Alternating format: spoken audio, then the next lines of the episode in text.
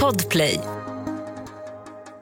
Du vet väl om att du kan lyssna på avsnitten av Fallen jag aldrig glömmer en dag före alla andra. Redan på torsdagar kan du lyssna på podden på podplay.se eller i appen Podplay. Och naturligtvis är det gratis.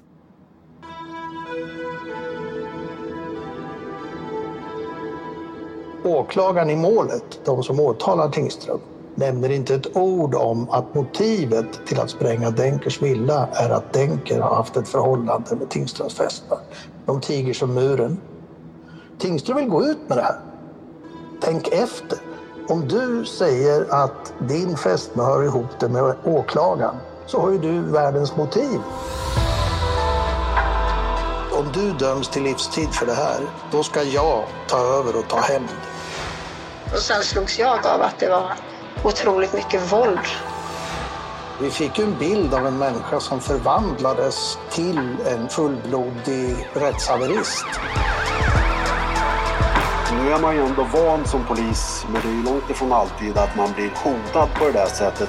Fallen jag aldrig glömmer. Podden som inte handlar om förövarna, som inte handlar om brottsoffer, utan som handlar om de som gjorde sitt jobb och löste brotten. Bombmannen del 1 Sexskandalen.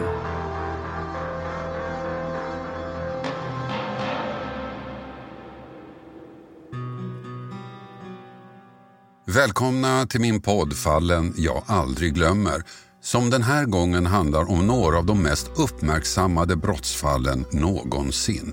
En bomb mot en åklagares villa, en bomb mot Skatteverket, en bomb mot Kronofogden. Allt inom ett halvår.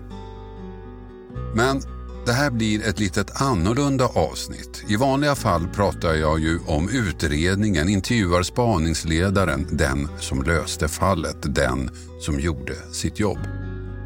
Men så blir det inte den här gången. Dels för att det var så länge sedan. Utredarna finns i många fall inte kvar. Men också för att rättsprocessen den här gången inte var särskilt lyckad för att uttrycka sig försiktigt. Brotten vi pratar om begicks mellan 1977 och 1983. Förövaren är död, hans advokat också. Men en som kan fallen, en som kartlagt gärningsmannen är advokaten Per E Samuelsson. Tillsammans med sin fru Lena Ebervall har han granskat ärendet och gärningsmannen och det var en märklig bild av en märklig man de fick fram. Ja, eh, vi fick ju en bild av en man som eh, i början på historien, i början på 1970-talet levde ett vanligt svenssonliv. Eh, gift, två barn, Volvo, Amazon, sommarställe, bra jobb på en firma som inköpschef. Ja, nio år senare sitter han på Kumlabunkern och är en fullblodig rättshaverist. Så vi fick ju en bild av en människa som förvandlades till en utpräglad, en av de värsta rättshaverister vi har haft. Vi pratar om en man som dömdes för fyra bombdåd i Stockholm där två personer dog. En man som också utsattes för ett av de värsta rättsövergreppen i svensk kriminalhistoria och en man som dessutom enligt sig själv var orsaken bakom mordet på Sveriges statsminister Olof Palme 1986. Vi pratar om Lars Tingström, eller Bombmannen som han på goda grunder kom att kallas. En egendomlig historia som skakade om hela Sverige. En historia om hat, om svek, mord, hot och till slut en viss upprättelse.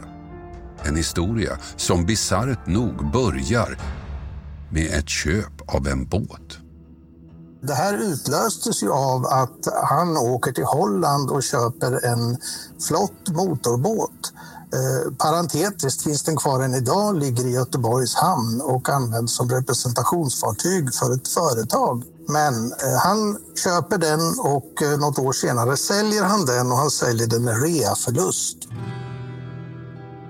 Ja, Tingström gör alltså förlust på båten, men det tror inte Skatteverket på. De har felaktiga uppgifter om att han tjänat pengar på affären och kräver in 15 000 kronor i skatt.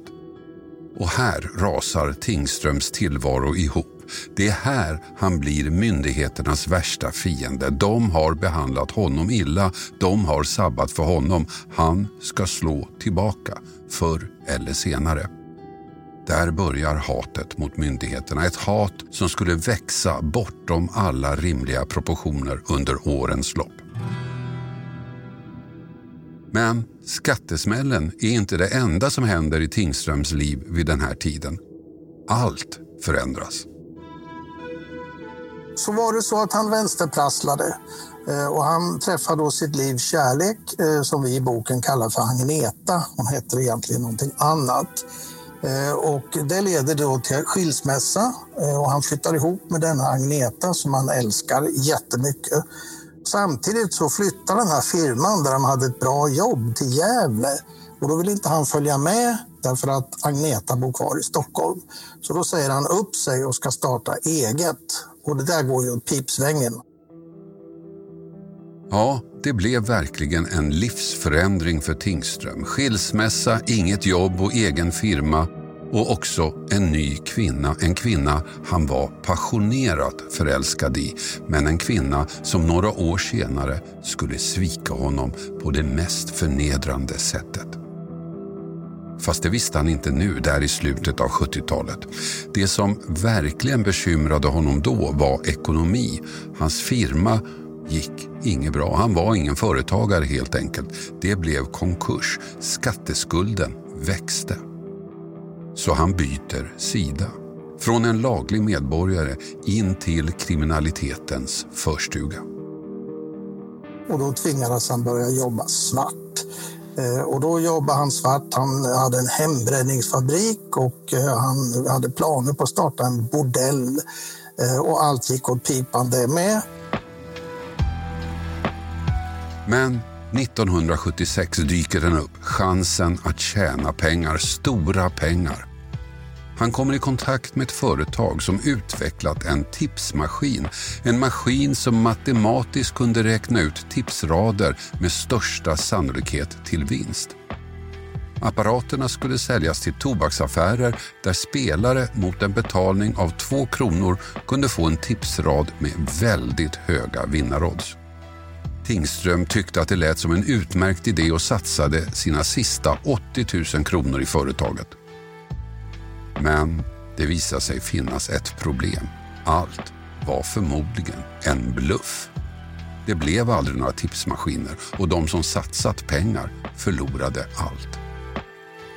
Kanske var det en felsatsning eller så var det en bluff från första början. Oavsett vilket, Tingström blev blåst. Och det är nu det börjar på allvar, Tingströms hämndbegär.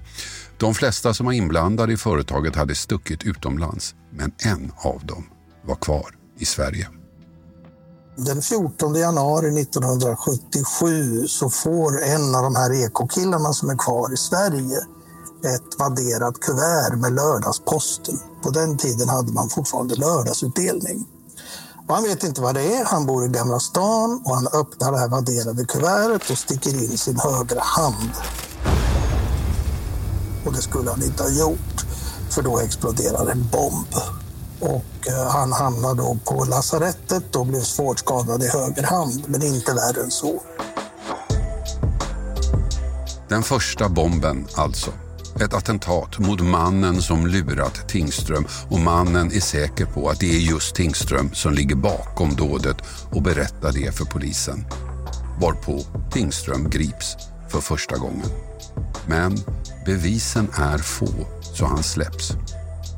De har ju inga bevis egentligen. Och de gör då, för det finns något skrivet i det här vadderade kuvertet, ett litet meddelande som de kan göra ett, eh, ett skriftprov med hans halda skrivmaskin som han hade hemma i stan. Och eh, det passar ju inte alls. Eh, och då blev han släppt. Vad polisen inte vet är att Tingström har en annan skrivmaskin på sitt landställe på Ingarö och under de två år som nu följer bygger han som besatt. Han bygger en bunker under uthuset på tomten på landstället. Ett hemligt rum med en hiss ner. Och där sitter han, dagarna i ända håller på med sprängämnen bland annat och bråkar med grannarna. Och grannarna tycker inte riktigt om att det smäller och spränger hela tiden. Eh, så eh, granntanten där eh, kommer ju och klagar stup i kvarten och han vill bli av med henne så han börjar skjuta med ett luftgevär på hennes fönster och hennes motorbåt sjunker och båtmotorn försvinner och är det är massa hyss som pågår och alla förstår ju att det är Tingström. Men polisen tar det inte på allvar när den här damen ringer. Nej, det blir ingen reaktion från polisen trots alla samtal, trots alla anmälningar, trots smällar och annat oljud. Men på valborgsmässoafton 1979 går det för långt. Tingström skjuter sönder grannens fönster och nu rycker polisen ut. Det blir ett ganska tumultartat ingripande för Tingström. Han går till attack. Han kommer med någon startpistol, lösa skott som han avlossar mot poliserna och han hamnar ju i finkan då eh, i Nacka. Va?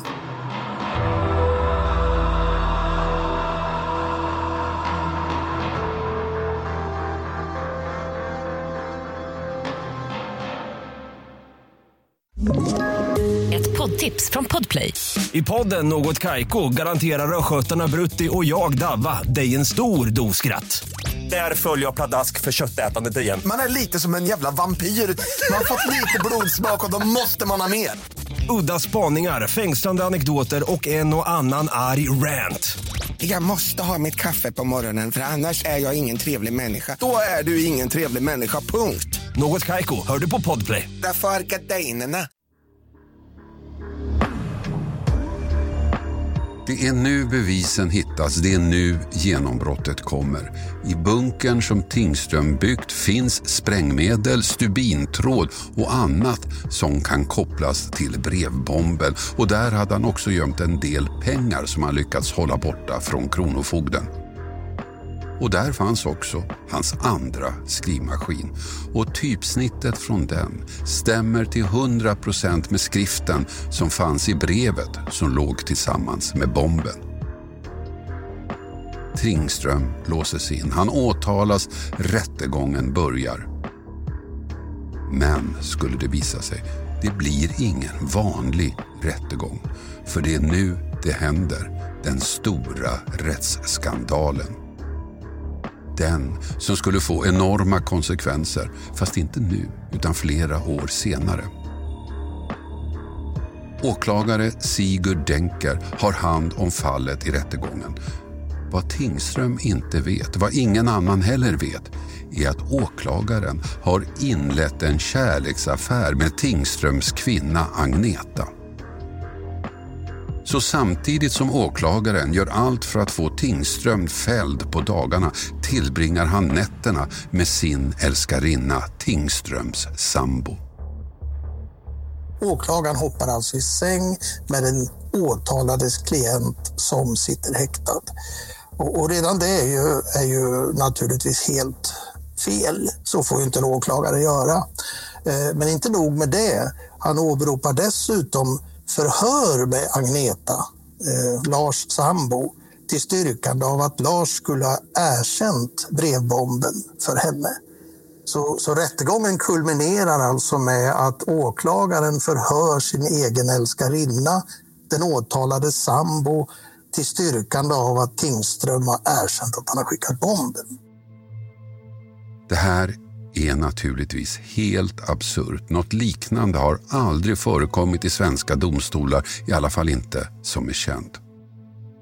Åklagaren kallar alltså in sin älskarinna som ska vittna mot sin sambo Lars Tingström. En fullskalig rättsskandal och Tingström fattar ingenting. Han kan inte förstå varför hans sambo, hans stora kärlek, vittnar mot honom. Han förstår ju ingenting. Varför gör du så här, Agneta? Eh, han, han är helt renons. Han, han känner att någonting är fel, men han förstår inte varför. Och han får ju då fem år i tingsrätten. och Hovrätten sänker straffet till fyra år. Åklagaren vinner målet. Tingström förlorar inte bara sin frihet, också sin kärlek, sitt livs kärlek. Hur kunde det ske, kan man fråga sig. Hur kunde en åklagare handla så i strid mot alla regler, mot all förnuft, mot all etik? Det måste ju skyllas på att åklagaren, här, chefsåklagare Denker, hade ett väldigt dåligt omdöme eh, och var lite maktarrogant, eh, gjorde som han ville. Eh, han var en, en väldigt extravagant person. Han, eh, han såg väldigt bra ut. Eh, han hade mörk basröst och rökte cigariller i pauserna på rättegångarna och, och gav ett intryck av, ett ovårdat intryck, ungefär som han kom direkt från Ålandsbåten till rättssalen.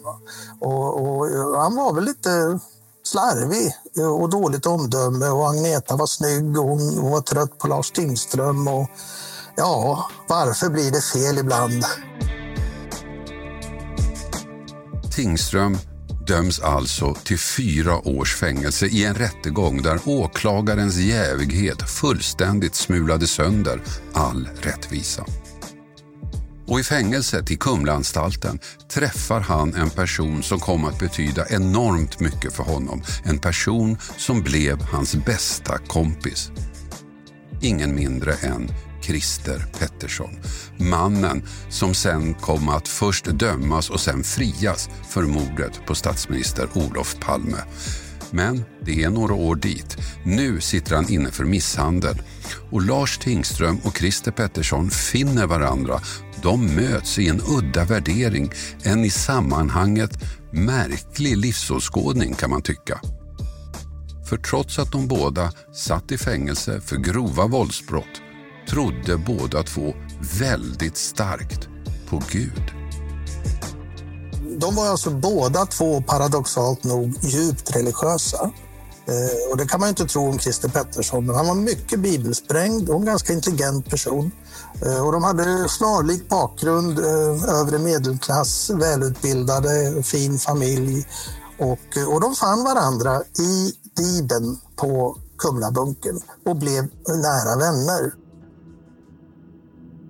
Trots att både Tingström och Pettersson brutit flera av Guds bud trodde de paradoxalt ändå på honom. En tro som gick djupt in i dem. Strax före jul 1980 så ordnade fängelseprästen i eh, Kumla, Olle Eriksson, en legendarisk fängelsepräst, en, en, en tävling i bibelcitat på Kumlabunken. Etta Christer Pettersson, tvåa Lars Tingström. Och så här, konkurrensen var väl inte mördande stor kanske, men trots allt. Och priset var en kopia av Silverbibeln. Vår uppgiftslämnare då som satt med dem, han berättade att den var så tung så de kunde inte bära den. Utan de fick skaffa en liten träkärra som de drog med den i korridoren. Och så satt de, satt de där inne och läste Jobs bok på kvällarna för varandra, Christer Pettersson och Lars Tingström. Så där odlades en djup vänskap. Den 17 september 1981 så har Lars Tingström avtjänat sitt straff och släpps ut ur fängelset. Han slår sig samman med Hanno Hyttinen, också en sprängkunnig person i vars företag Tingström jobbat innan han åkte in i fängelset.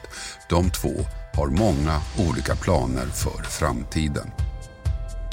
Men det är också nu som Tingström får reda på sanningen. Det är nu han upptäcker vilket otroligt svek han utsatts för av sin sambo och vilket rättsövergrepp åklagaren begått mot honom. Tingström muckar före Pettersson och då flyttar han tillbaka till eh, sin sommarstuga och flyttar ner i den här bunken. Och han är så tekniskt geni, Tingström, så han lyckas alltså skapa en telefonavlyssningsapparat. Så han buggar sin före detta sambo Agneta och kan alltså spela in samtalen hon har, utgående, ingående samtal. Och då är det alltså Denker som ringer. Så den affären pågår fortfarande då? Alltså? De har åtminstone kontakt. Om de hade ett sexuellt förhållande så långt, det nekade båda till, men, men de var definitivt nära vänner. Så där och då får Tingström alltså veta sanningen. Där och då förstår han omfattningen av sveket. Men det räcker inte med det. Han får reda på ytterligare ett svek som åklagaren utsatt honom för.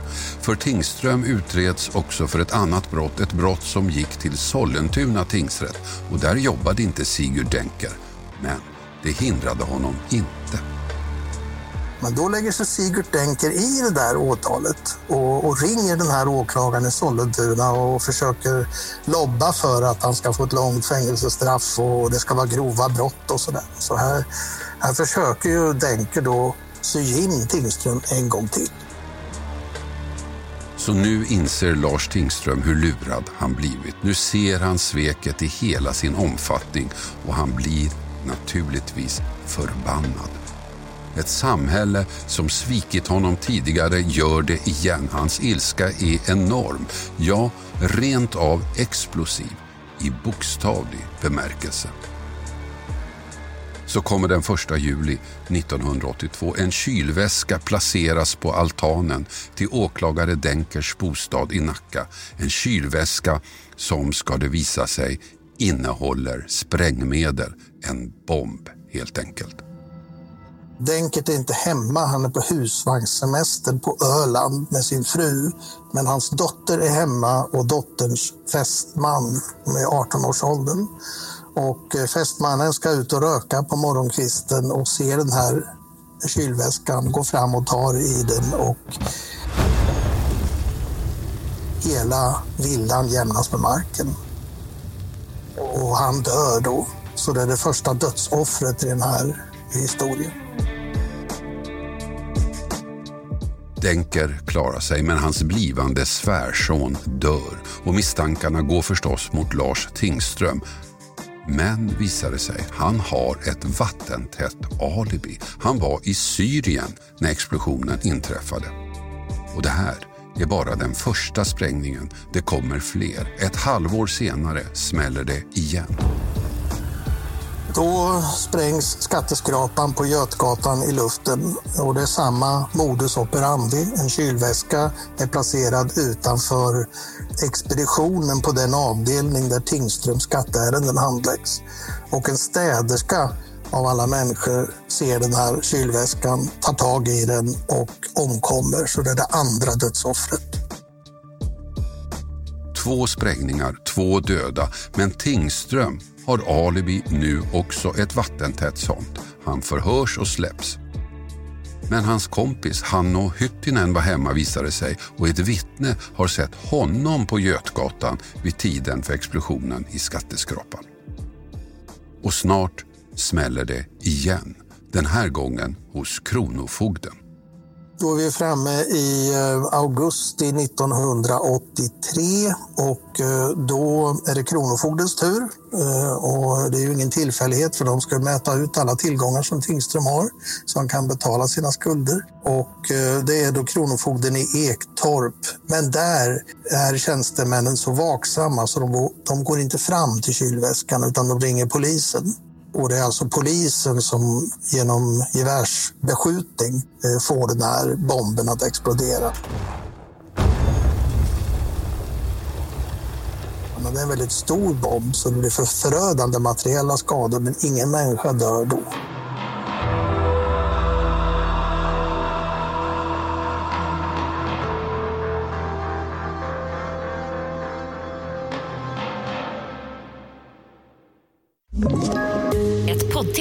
Podplay. I podden Något Kaiko garanterar östgötarna Brutti och jag, Davva, dig en stor dos skratt.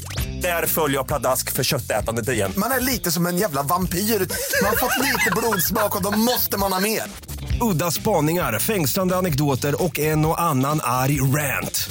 Jag måste ha mitt kaffe på morgonen för annars är jag ingen trevlig människa. Då är du ingen trevlig människa, punkt. Något Kaiko, hör du på Podplay. Därför är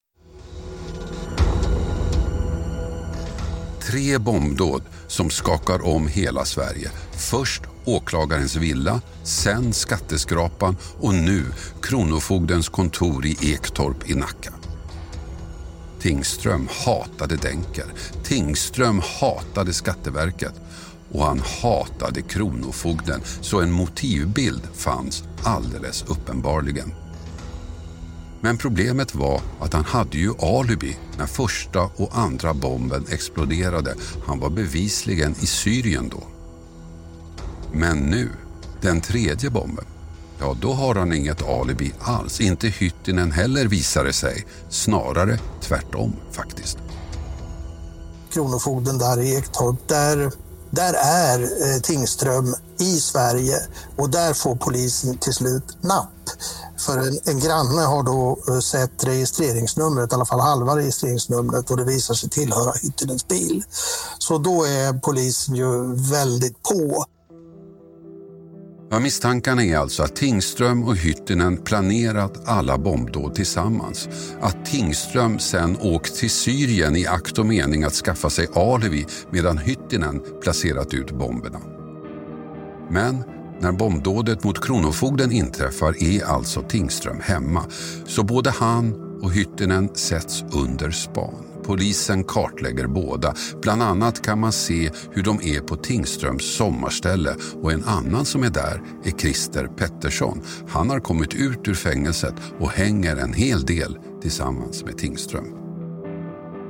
Men de här spaningarna slutar inte alls som polisen hoppats på. Verkligen inte. Istället händer något mycket anmärkningsvärt. Fem dagar efter den spaningen så spanar man även hemma hos Hyttinen. Han bor i Tensta och då blir det Hyttinens julfyrverkeri.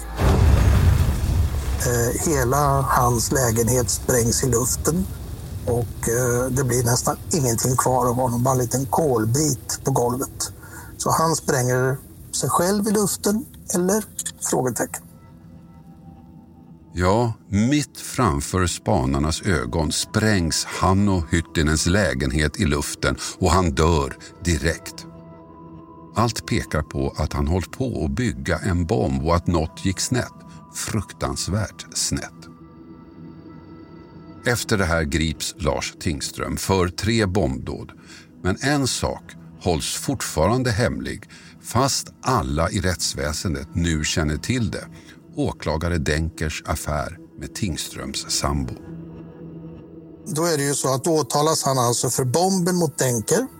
Han åtalas för bomben mot skatteskrapan och han åtalas för bomben mot Kronofogden. Men åklagaren i målet, de som åtalar Tingström, nämner inte ett ord om att motivet till att spränga Denkers villa är att Denker har haft ett förhållande med Tingströms fästmö. De tiger som muren. Och eh, likadant gör då paradoxalt Tingströms försvarare. Han, han säger till Tingström, Tingström vill gå ut med det här. Tänk efter. Om du säger att din fästmö hör ihop det med åklagaren så har ju du världens motiv. Så alla bestämde sig för att inte berätta om det här. Ja, alla håller tyst. Affären är känd av alla inblandade. Rättsskandalen ligger där, men ingen tar upp den. Och Tingström döms. Han får livstids fängelse. Men nu händer det grejer. Tingström vill överklaga domen och han byter advokat. Han väljer vid den här tiden den mest omtalade försvarsadvokaten, nämligen Pelle Svensson. Den gamle brottarstjärnan med två VM-guld och ett OS-silver i bagaget har gjort succé som försvarsadvokat i det här Johan Asplund-målet. Alla vill ha Pelle Svensson sommaren 1985 och så även Lars Tingström. Och Lars Tingström eh, får då Pelle Svensson och eh, Pelle får reda på det här som han kallade sängkammarjävet. Ut med det i media för guds skull. Vänd upp och ner på grytan så kommer alla att se vilket rättsövergrepp du är utsatt för. Och då kommer du få resning i det lilla bombmålet för Denker var jävig. Pelle Svensson hade en helt annan strategi. Ut med alla fakta, lägg skandalen på bordet. Och det blir naturligtvis en enorm uppmärksamhet. Reaktionerna blev ju våldsamma. Jag minns ju det här personligen. Alla tyckte ju att det var förskräckligt att en åklagare gick i säng med den åtalades fästmö och sen sitter i, i rätten och åberopar förhör med samma fästmö bakom ryggen på den här killen. Men de då som förut hade hjälpt tänker att sopa allting under mattan, riksåklagaren, JO, helt plötsligt skulle de utreda alltihopa. Och då kom de fram till, ja men det är ju för sent, det är ju preskriberat. Eh, så deras egen medverkan kastade de liksom i ansiktet på Tingström och sa att det här är ju preskriberat, du kan inget göra åt det.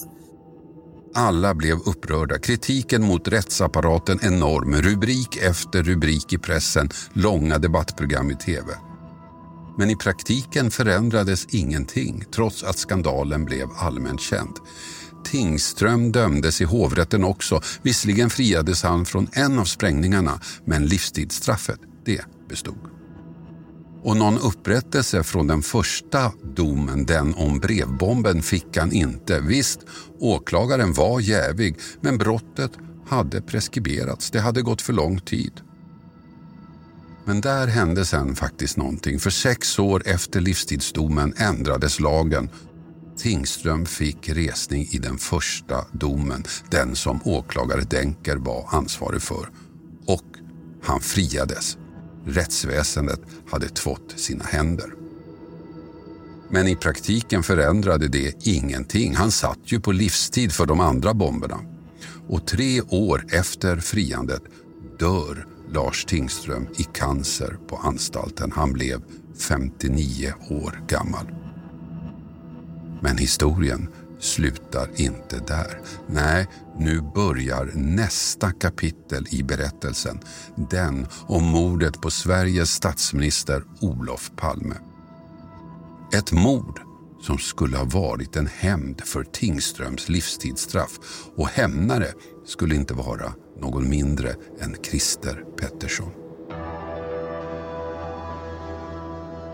Då är det så att eh, Christer Pettersson har före jul 1983 lovat Tingström att om du döms till livstid för det här, för du har gudomlig rätt att hämnas. Även om du är skyldig på ett jordiskt plan så kommer Gud i himlen att förlåta dig. Ungefär så snackar de. Då ska jag ta över och ta hämnd, lovade Christer Pettersson. Mordet och Olof Palme var alltså en hämnd av Lars Tingström utförd av Christer Pettersson.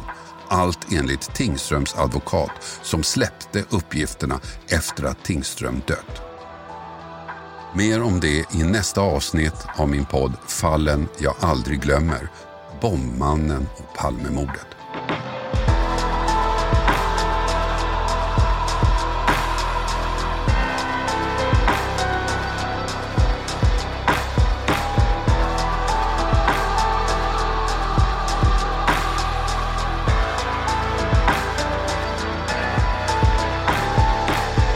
Du har hört podden Fallen jag aldrig glömmer.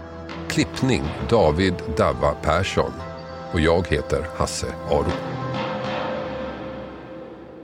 Du vet väl om att du kan lyssna på avsnitten av Fallen jag aldrig glömmer en dag före alla andra. Redan på torsdagar kan du lyssna på podden på podplay.se eller i appen Podplay.